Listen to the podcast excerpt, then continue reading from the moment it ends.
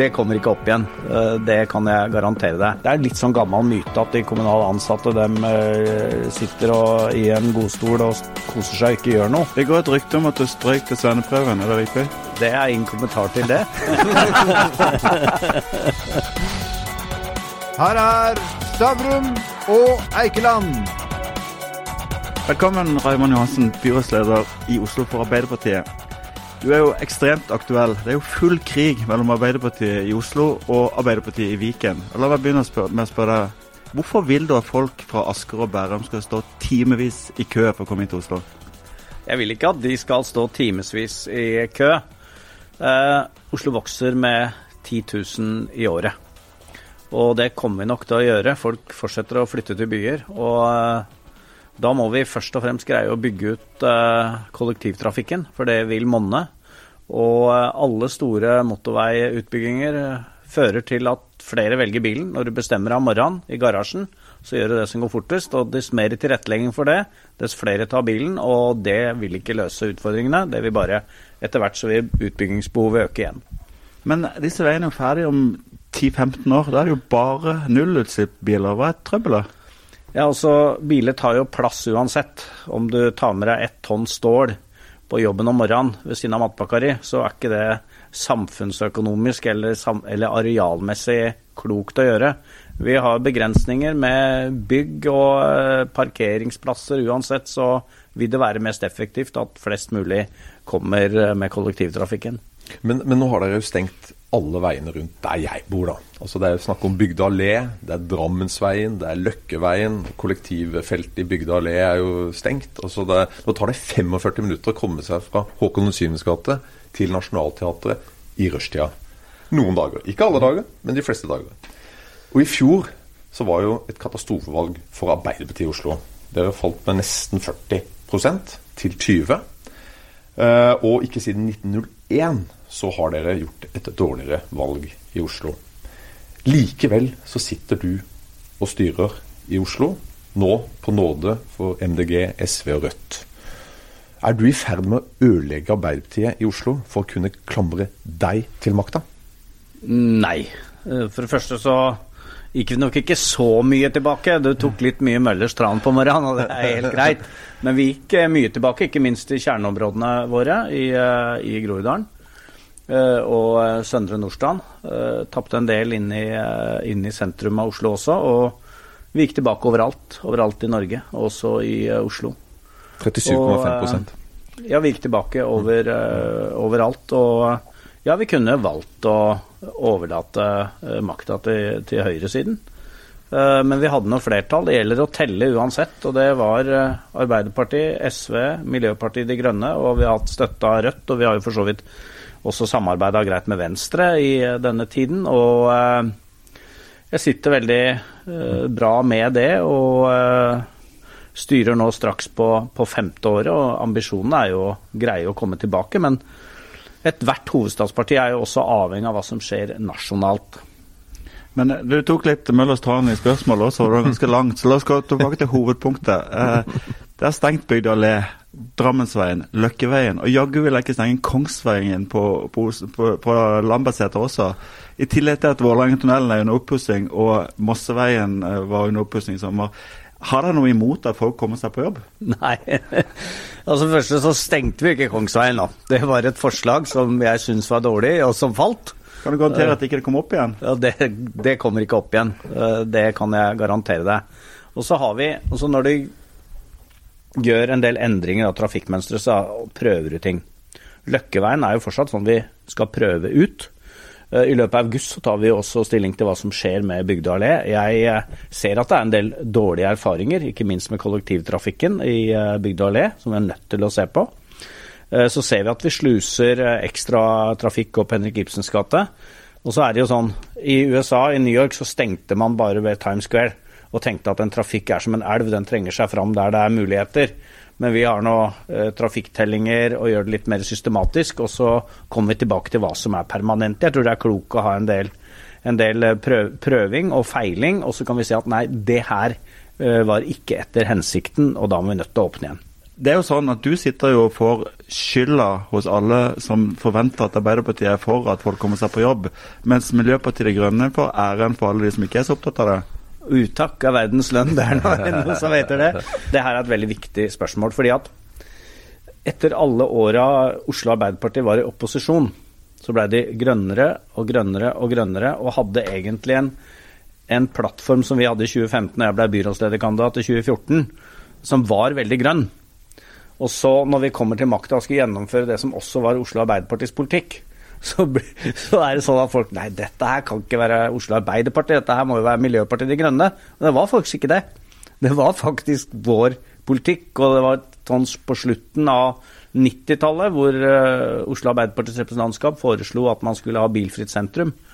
Så uh, det er noe med gjenkjenningen og hvem du tror har det, og der har vi en betydelig problem, fordi at, uh, som du sier, Eh, vi har fått litt skylda for alt som, er, eh, alt som ikke folk liker. Og så har Miljøpartiet De Grønne stært en masse velgere også i indre by i Oslo og fått æren for det. Men, eh, men, men, men sånn er politikken. Ja. Hvis det er rettferdighet du søker, så bør du gjøre noe annet. Men, valget nå i 2019 tyder jo på at faktisk når det gikk opp for folk som stemte på Arbeiderpartiet i 2015, at det var en politikk de da tydeligvis ikke ville ha. For når det da går ned, faller så, så kraftig, mm. så greit nok at det var dårlig, vært dårlig på kommunikasjon kanskje før dere gjorde et godt valg, mm. så har dere iallfall forstått hva dere står for etter dere har sittet fire år i, i, byrådet. da. Det var et dårlig valg mm. uh, overalt, også i Oslo. Og uh, det vi ser, er jo at det var to ting som skjedde. Vi står i en svær spagat. Vi tapte til bompartiet i uh, Groruddalen og i Søndre Nordstrand. Og vi tapte faktisk til Miljøpartiet De Grønne i indre by av Oslo. Uh, og det er krevende, det er, uh, og det er jo klassisk utfordring når det gjelder uh, trafikkpolitikk, når det gjelder miljø og klima. Det er avstanden mellom på en måte hipstere som bor i sentrum av Oslo, og tradisjonelle arbeiderklassevelgere som bor i Groruddalen. Og den broa, å bygge den, det er neige ikke enkelt. Og det ser du nesten i alle byer i Europa, hvor vi har tapt en del av våre tradisjonelle arbeiderklassevelgere. Sjøl om jeg gikk på Alna og sa det at det kommer til å bli billigere å kjøre gjennom bomringen. Akkurat for dere. Men du trodde ikke. Det var helt umulig å nå fram. Og etter eh, to måneder etter valget så ser du at trafikken fra Groruddalen har økt, for folk har oppdaga at det har blitt billigere.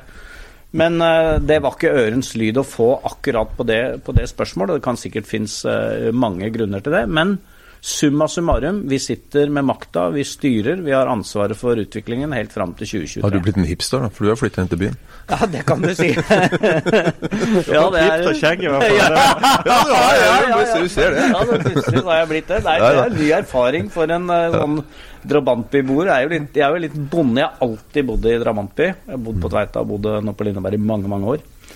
Så jeg flytta inn, og det er en helt, er helt ny erfaring. Uh, men det er klart at når du er så gammel som jeg, så lever du jo ikke sånn i nabolaget. Sønnene mine og barnebarna som bor fortsatt i Groruddalen, så det er liksom Jeg er jo mye der, og det er jeg deltar jo ikke i fritidsaktiviteter eh, rundt, rundt Bislett, for å si det sånn. Mm. Men jeg bor der, og det er eh, riktig så trivelig. Vi, ja. vi har snakka mye om miljø nå, men mm. det er klart eh, at det er jo også mye kriminalitet i Oslo. Uh, mye gjengkriminalitet. Mm. Uh, og det er vel der Jan Bøhler, som vi hadde besøk av ja. for uh, rett på forsommeren her, er veldig kritisk til hvordan den, den blir håndtert i Oslo av deg og byrådet og av Oslo-partiet.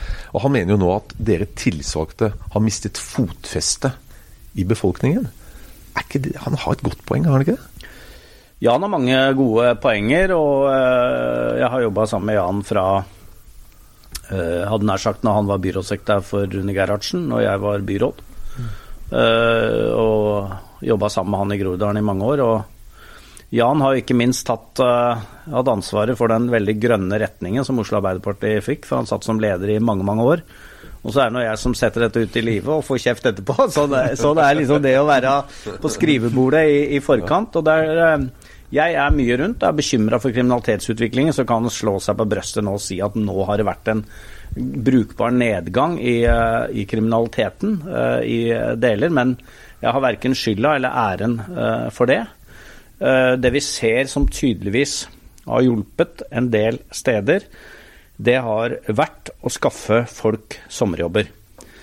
Eh, og det har vi satsa gigantisk på, for det er ikke uten betydning for hvordan folk tjener sine første kroner. Om du har gjort det på å ha dopsalg, eller om du har stått i butikken og pakka, så er det det at du har stått i butikken og pakka, får litt penger, kunne spe på med en litt dårlig inntekt eh, hjemmefra, er utrolig verdifullt. Og det tror jeg vi kan se tilbake på vårt eget liv også. Starta som avisbud når du var 14 år, og du verden hvor stolt du var. Og den stoltheten har ikke forsvunnet, selv om du bor i Søndre Nordstrand nå. Men så lot du jo styre pengene og valgte å bli rørlegger. ja, jeg gjorde det. Det var ikke så veldig Det var vel ni år jeg var, var det. En fin erfaring, men jeg har vært utrolig heldig og fått drive med andre ting seinere. Men det er jo noen av kompisene mine fra rørleggertida som har gjort det riktig så bra. Det går et rykte om at du strøyk til svenneprøven, er det riktig? Det er ingen kommentar til det. Gjør du rørleggerarbeid hjemme? Nei, det gjør jeg virkelig ikke. For, for det første så hvis det da, hvis det da lekker ja. Og eh, det kommer forsikringsskader, så taper på det. Nei, det tar jeg ikke sjansen på. Men jeg gjør det på, i kjelleren hvor det er sluk. Så eh, er det hender, og selvfølgelig så staker jeg og gjør alle de jobbene der og bruker pumpa og sånn. Men eh, det stort sett ikke. Hvem blir statsminister etter neste valg? Det blir Jonas Gahr Støre. Blir han det sammen med Viken-løsningen, altså Senterpartiet, eller med Oslo-løsningen med MDG, SV og Rødt som støtteparti? Det viktige nå er jo å si hvem du skal være venner med, og ikke hvem du skal være uvenner med. Og jeg tror det å gå ut bredt og si at de som ønsker Erna, de eh, ønsker ikke å samarbeide med meg, men de som ønsker et skifte, de skal du samarbeide med. Og da bør du ha bredt, bredest mulig eh, utgangspunkt for det. Eh, og det er, det er nå mitt råd, da. Men, men, hvis jeg Arbeiderpartiet velger og, skal, skal, stemme på dere, så må jeg nesten vite hvilken retning. Og det er klart akkurat sånn som det ser ut som nå, så er det jo retninga som dere i Oslo har tatt. MDG, SV og, og den veien. Og så har du jo da LO og distriktene som mer tenker om industri, og, og mot Senterpartiet. Mm. Uh, og Det er klart det er jo stor forskjell på det. Så hvis jeg skal stemme på Arbeiderpartiet, så er det en fordel å vite ok, hva er det egentlig jeg får. Og, så, og du så jo Det var jo mange som trodde de fikk noe helt annet når de stemte på dere i 2015. Og så Jo, men uh, ja? Det er for så vidt et, eh, et godt mm. poeng, det. Mm. Men vi, igjen så må du liksom tale lagene. Altså det å, å, samarbeide med Jeg mener vi skal samarbeide med Senterpartiet, med SV, og holde døra oppe for, eh, for, Miljøpartiet De Grønne. Fordi at hvis du kan telle eh, Nå kan du telle, det er ikke sånn utgangspunkt. Men så må du tenke Takk, skjønner tvilen. men så er det jo hvordan Kan ikke mye annet, men jeg kan telle. ja. Og så er det jo Hvis du da har Hvis Miljøpartiet De Grønne kommer på vippen mm.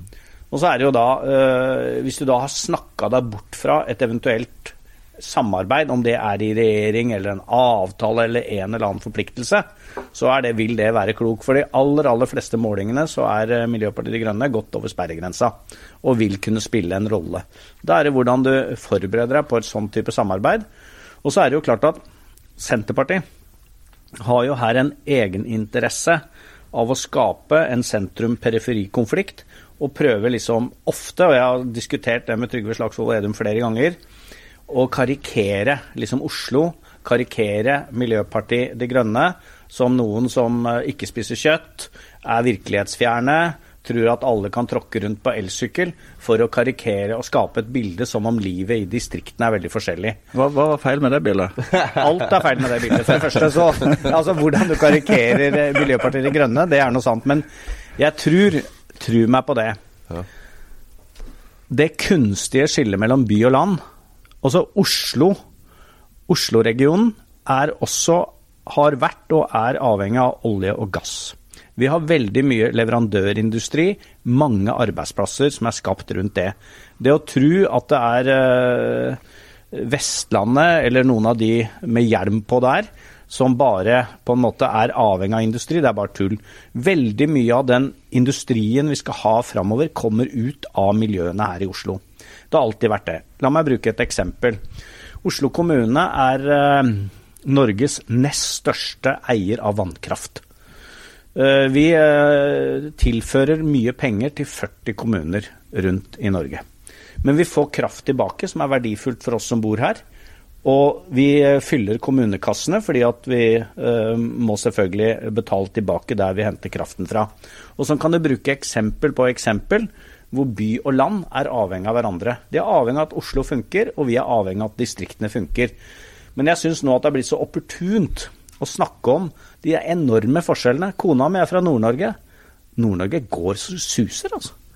Dra i Vesterålen nå og skape et bilde av at du er helt nede på beinet fordi at det er politisk opportunt. Det og så skape et bilde om at det er lett å liksom gjøre noe med alt dette. At du får eh, flyttestrømmen bare ved et politisk vedtak. Det er å skape, Og så kommer du stå til eh, ansvar for det to-tre år etterpå. Ja, fortsatt så er veksten i Oslo mellom 10 og 15 000, eller mellom 5 og 10 000. Og fortsatt så er det få som flytter, eller som ikke flytter fra Engerdalen. Og så Det er noen strømninger som du må være ærlig om. Urbaniseringen skjer overalt. Styrking av utdanningsinstitusjonene, opp, øh, vekst på ny type industri og arbeidsplasser. Så må vi finne heller hvordan vi skal samhandle på det. Jeg ønsker å ha sterke distrikter. Men du snakker ikke ned utviklingen av Oslo eller snakker ned utviklingen av distriktene. Det er en utvikling jeg er veldig bekymra for. Men eh, partiet ditt har jo i dag, tror jeg, lagt fram en ny sånn Nord-Norge-innstilling. Hvor de skal ha eh, statlig styrt industrireisning i Nord-Norge. Da får jeg frysninger. Det er sånn, vi, skal satse på, vi skal satse på tang og tare og havvind. Altså, har du tro på at Stortinget vet bedre enn næringslivet om hvor det faktisk eh, skal satses? Jeg må bare si når det gjelder miljø og klima, så blir vi døtta av næringslivet. Næringslivet er mye mer framoverlent, idérike enn det vi er. Så sånn i, i, Oslo så opplever jeg når jeg møter med virksomheter, øh, bedrifter, de er knallharde. De ser at penga framover, der ligger det i det å skape ny type industri. Så jeg tror vi trenger det næringslivet øh, gjør. Vi, øh, det progressive delen av næringslivet er helt avgjørende viktig for hva vi skal leve av framover. Men Får ikke du frysninger når du hører statlig styrt industrireisning? Da hører, da hører jeg Mo i Rana og sånt. Uh, ja, jeg, nå, igjen, jeg, jeg, eh, jeg, skjønner hva du kan mene med det, men det å gi uh, gode statlige uh, insentiver kan være klokt. Men nå veit jeg ikke helt i detalj hva du sikter til. Det er jo klart at enhver virksomhet er jo helt avhengig av av rammevilkår eh, som er satt der, om hvilke type støtteordninger det er, om det er alt fra såkorn, eller om det er, olje, nei, om det er skatteregler, eller hva nå det er som styrer det, så er vi jo avhengig av det. Men Ole, før du får ordet, vi skal stille ett veldig vanskelig spørsmål. For vi tenkte gjennom eh, hvem blir ny partileder i Arbeiderpartiet på et tidspunkt. Og så begynte vi å tenke på hva heter han der fyren fra Nord-Norge? Hva heter han? Bjørnar Skjæran. Og du vet hva han heter? Bjørnar fra Lure, god, eh, god venn. Ja, det var, en, det var en test da vi prøvde. Vi tenkte, Husk han navnet på Husk på det at jeg har vært partisekretær i seks år og reist på kryss og tvers i dette landet her, så du lurer ikke meg. Men når det er sagt, han har vært veldig lite synlig, eh, for å si det sånn. Da. Jo, men, men, det er liksom ja. litt fordi kona mi er som sagt fra Nord-Norge, og hun er jo liksom litt irritert på uh, pressen her i Oslo-området. De snakker liksom om en ukjent person, hvis en da ikke er kjent i i Akersgata. Nå er vi i Akersgata, så er den ukjent. Men om du da har et navn, og du er kjent f.eks. i all media og presse i, fra Midt-Norge oppover, så er du ikke nødvendigvis et uskrevet blad. Men en nestleder i Arbeiderpartiet burde være kjent i Akersgata for å si det fint. Det er helt ærlig. Men, men, ok, nok om det.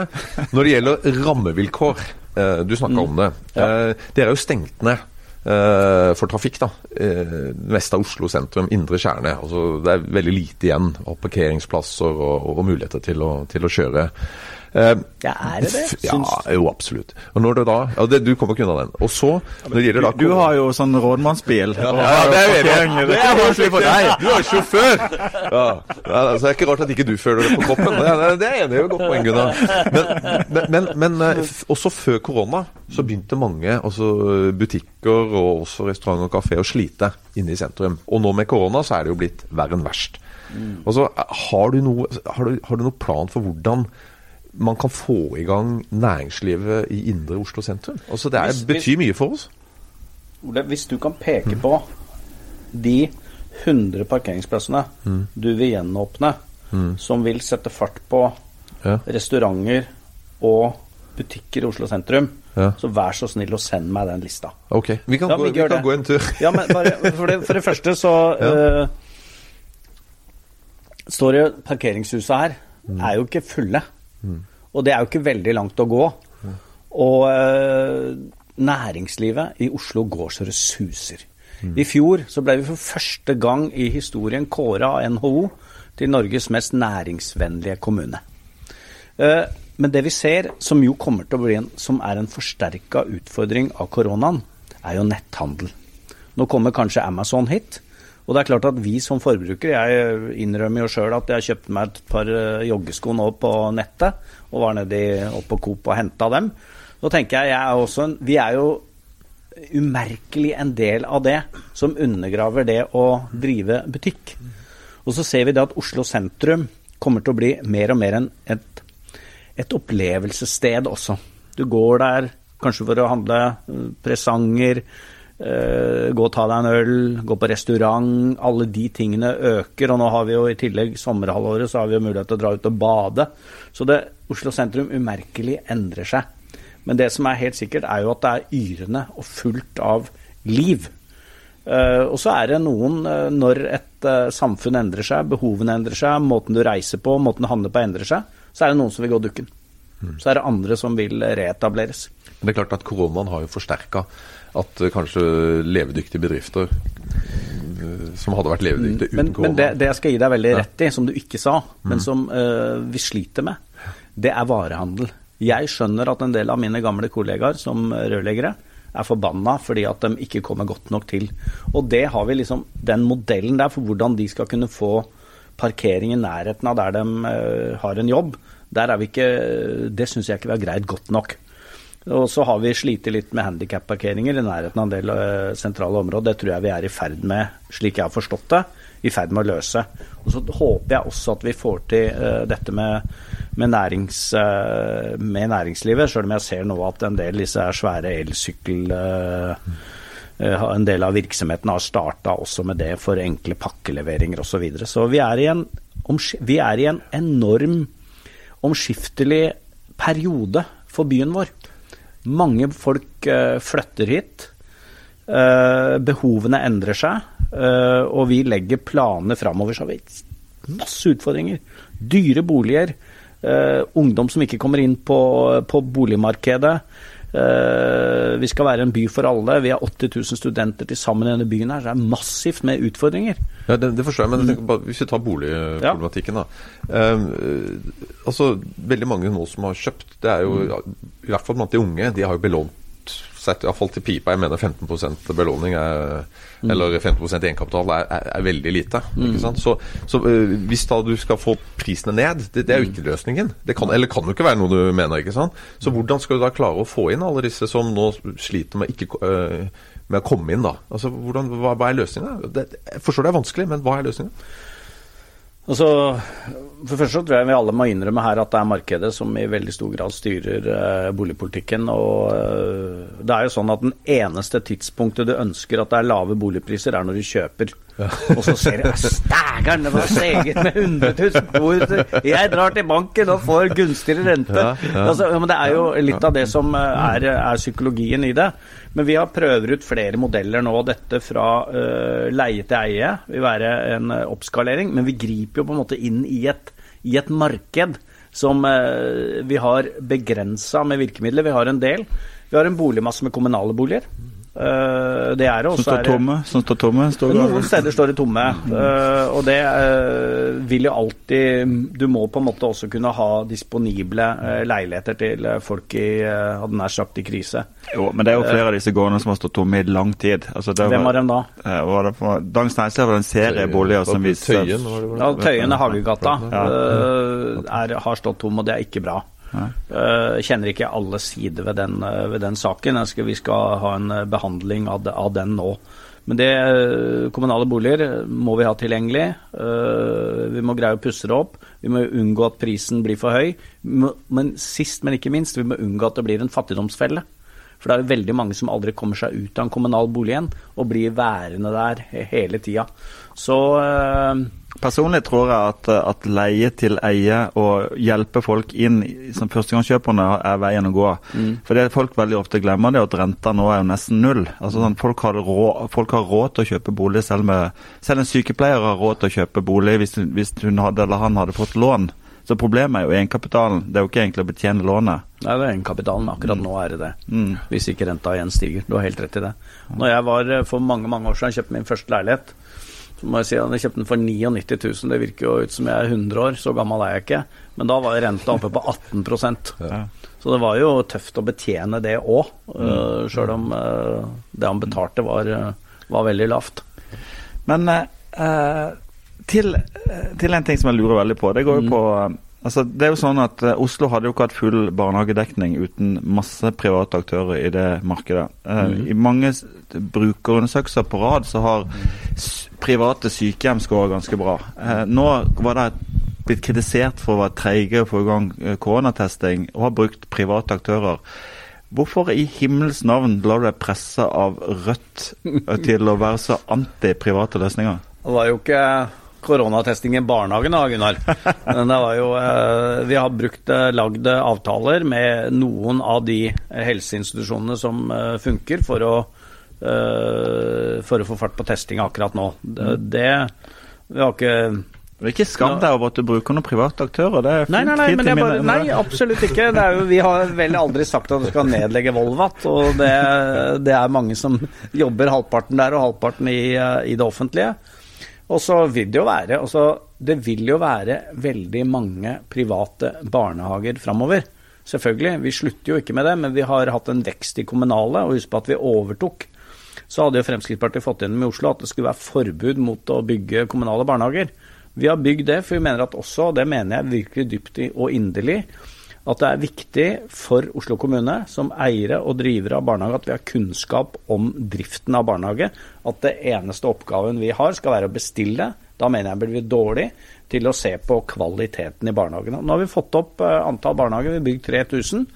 Og mener at vi står godt skodd, og aldri har så mange gått i barnehage. Hvis du kommer inn på det du spurte meg om i stad, knytta til integrering, kriminalitet, de tingene, at det er nå så mange som før ikke gikk i barnehage, som nå går i barnehage. Anledning til å kunne lære seg norsk. Du starter ikke på minus 100 når du begynner på skolen som seksåring, men du starter litt mer på like fot, eh, i hvert fall språklig sett. Og det har vært en viktig ambisjon for oss. Så får vi tro at det også gir resultater på lang sikt. Men det, jeg synes du, du, nå dukker du litt for spørsmål som går på at hvis faktisk private løsninger da viser seg å være bedre enn offentlige, hvorfor blir det så styrt ideologisk? Altså Jeg skjønner at Rødt står på det, men jeg skjønner ikke at en, en velkjent rørlegger som liker privat næringsliv, eh, eh, står på det samme. Ja, men jeg, altså, øh, jeg mener at det er, en, det er en kjerneoppgave for Oslo kommune å drive sykehjem. Eh, vi kommer til å ha private, vi kommer til å ha private ideelle. Også det var jo Frelsesarmeen som starta med sykehjem i sin tid, for 100 år siden. Det at vi så at veldig mange private ideelle og kommunale blei pressa ut, var, eh, var negativt. Og de tjente fett. Veldig mange av de private kommersielle tjente veldig mye penger eh, på å drive sykehjem. Eh, da tror vi at det var bedre at private ideelle og kommunen driver det. For at pengene skulle drives og brukes til eldreomsorg. Så må jeg si det at når jeg snakker med en hjelpepleier som jobba på et eh, privat kommersielt sykehjem, og så eh, overtok vi det sykehjemmet, så fikk vedkommende da 120 000 mer å rutte med i året. Og så kan du si at ja, det er sikkert eh, da er noe av grunnen til det blir dyrere, er lønn og pensjonsvilkår. Og hvis vi framover, for det, vi går i en utvikling hvor vi blir eldre og så Heldigvis, når du er 60, så har du bare levd to tredjedeler av livet, og det er jo deilig. Eh, Så må vi da kunne ha en Motivere folk til å begynne å jobbe i eldreomsorgen. Og da må bl.a. lønn og arbeidsvilkår være i orden. Eh, Så det har vært noe av vårt Når vi nå har ansatt flere, 500 flere i hjemmetjenesten og på sykehjem, så har det vært grunnen for å styrke Men er det eh, bare ett konkret eksempel, eller er det sånn at eh, i eh, private barnehager i Oslo så tjener man mye, mye mindre enn i det offentlige? Jeg, forstår, jeg kan ikke statistikken, men er det det du sier? Jeg forstår det, Eller var dette bare ett konkret eksempel? Nei, dette var på sykehjemmene. Ja, sykehjemmene. Uh, og det Ja. er rund baut. Ja. Uh, jeg har ikke full oversikt over uh, hva de ulike barnehagene gir i, i lønn, for dem får jo tilskudd fra det offentlige uansett, dem. Eh, Det de har tjent ganske mye penger på, slik jeg har forstått det, er jo eiendom og byggemassen. Og her var det en rød-grønn regjering han brukte jo, og det er jo helt riktig. eh, Helt riktig som, eh, som Gunnar sier, at vi hadde aldri greid full barnehagedekning uten at de private kom til pumpene. Og de kommer jo til å fortsette, de er jo innafor. Vi kommer jo til å fortsette å gi støtte til alle de private, men det at vi har flere kommunale i tillegg, gjør at det er en, etter mitt skjønn, en bedre balanse, en nødvendig balanse, som vi som kommune må ha. Men Når er dere ferdig med dette? Mm? Når er dere ferdig med dette forbudet mot flere eh, private? Nei, altså det, Skal det være sånn til evig tid? det er jo ikke et forbud. Det kommer jo til å være uh, private barnehageaktører i mange år uh, framover. Det gjelder å ha en dynamikk som også offentlig sektor må effektivisere. For det er ikke noe bedre med kommunal sløsing enn det er med privat profitt. Ja, men jeg opplever ikke at det er Det er også en myte. Jeg opplever virkelig ikke at det er mye kommunal sløsing. Jeg blir sett i korta, ikke minst av Nettavisen og dere, hver eneste dag. Kommer til å bevise hvor det er veldig mye sløsing igjen. Når vi nå skal stå og skal ha salderingskonferanse nå torsdag og fredag, og det er jo knallhardt kjør mot de ulike kommunale virksomhetene. Det er litt sånn gammel myte at de kommunale ansatte dem eh, sitter og, i en godstol og koser seg og ikke gjør noe. Det er jo ikke sant. Man uh, har veldig uh, krav, uh, tydelige ledelseskrav for å drive enhver virksomhet veldig effektivt. Og eh, det, eh, så er det viktige supplementer, private ideelle. Vi samarbeider nært med, med privat næringsliv. Husk på det at Oslo kommune kjøper varer og tjenester for 5-26 milliarder kroner i året. Og det gjør vi hovedsakelig av private. Så vi er jo en veldig viktig aktør for privat næringsliv i, eh, i Oslo, og det skal vi fortsette å være. Hva, eh, vi har vært litt slemme, så går litt vennlig også. Hva er du mest fornøyd med etter fem år som byrådsleder? Jeg er veldig fornøyd med det at eh, jeg har klart å holde et, en koalisjon sammen i fem år. Det er jeg faktisk eh, stolt over. Og eh, det er jeg veldig godt fornøyd med. Og at jeg har et eh, entusiastisk lag, og at jeg har, eh, tror jeg, tilrettelagt for at vi har en god økonomi. At vi har tilrettelagt for, uh, for framtida. Jeg begynner å bli såpass gammel at jeg er liksom opptatt av å si at det man har gjort, har tilrettelagt på en, eh, på en bra måte, og at Oslo er en god by å bo i. Kan du love oss at du vil gå til valg neste gang på enda høyere eiendomsskatt?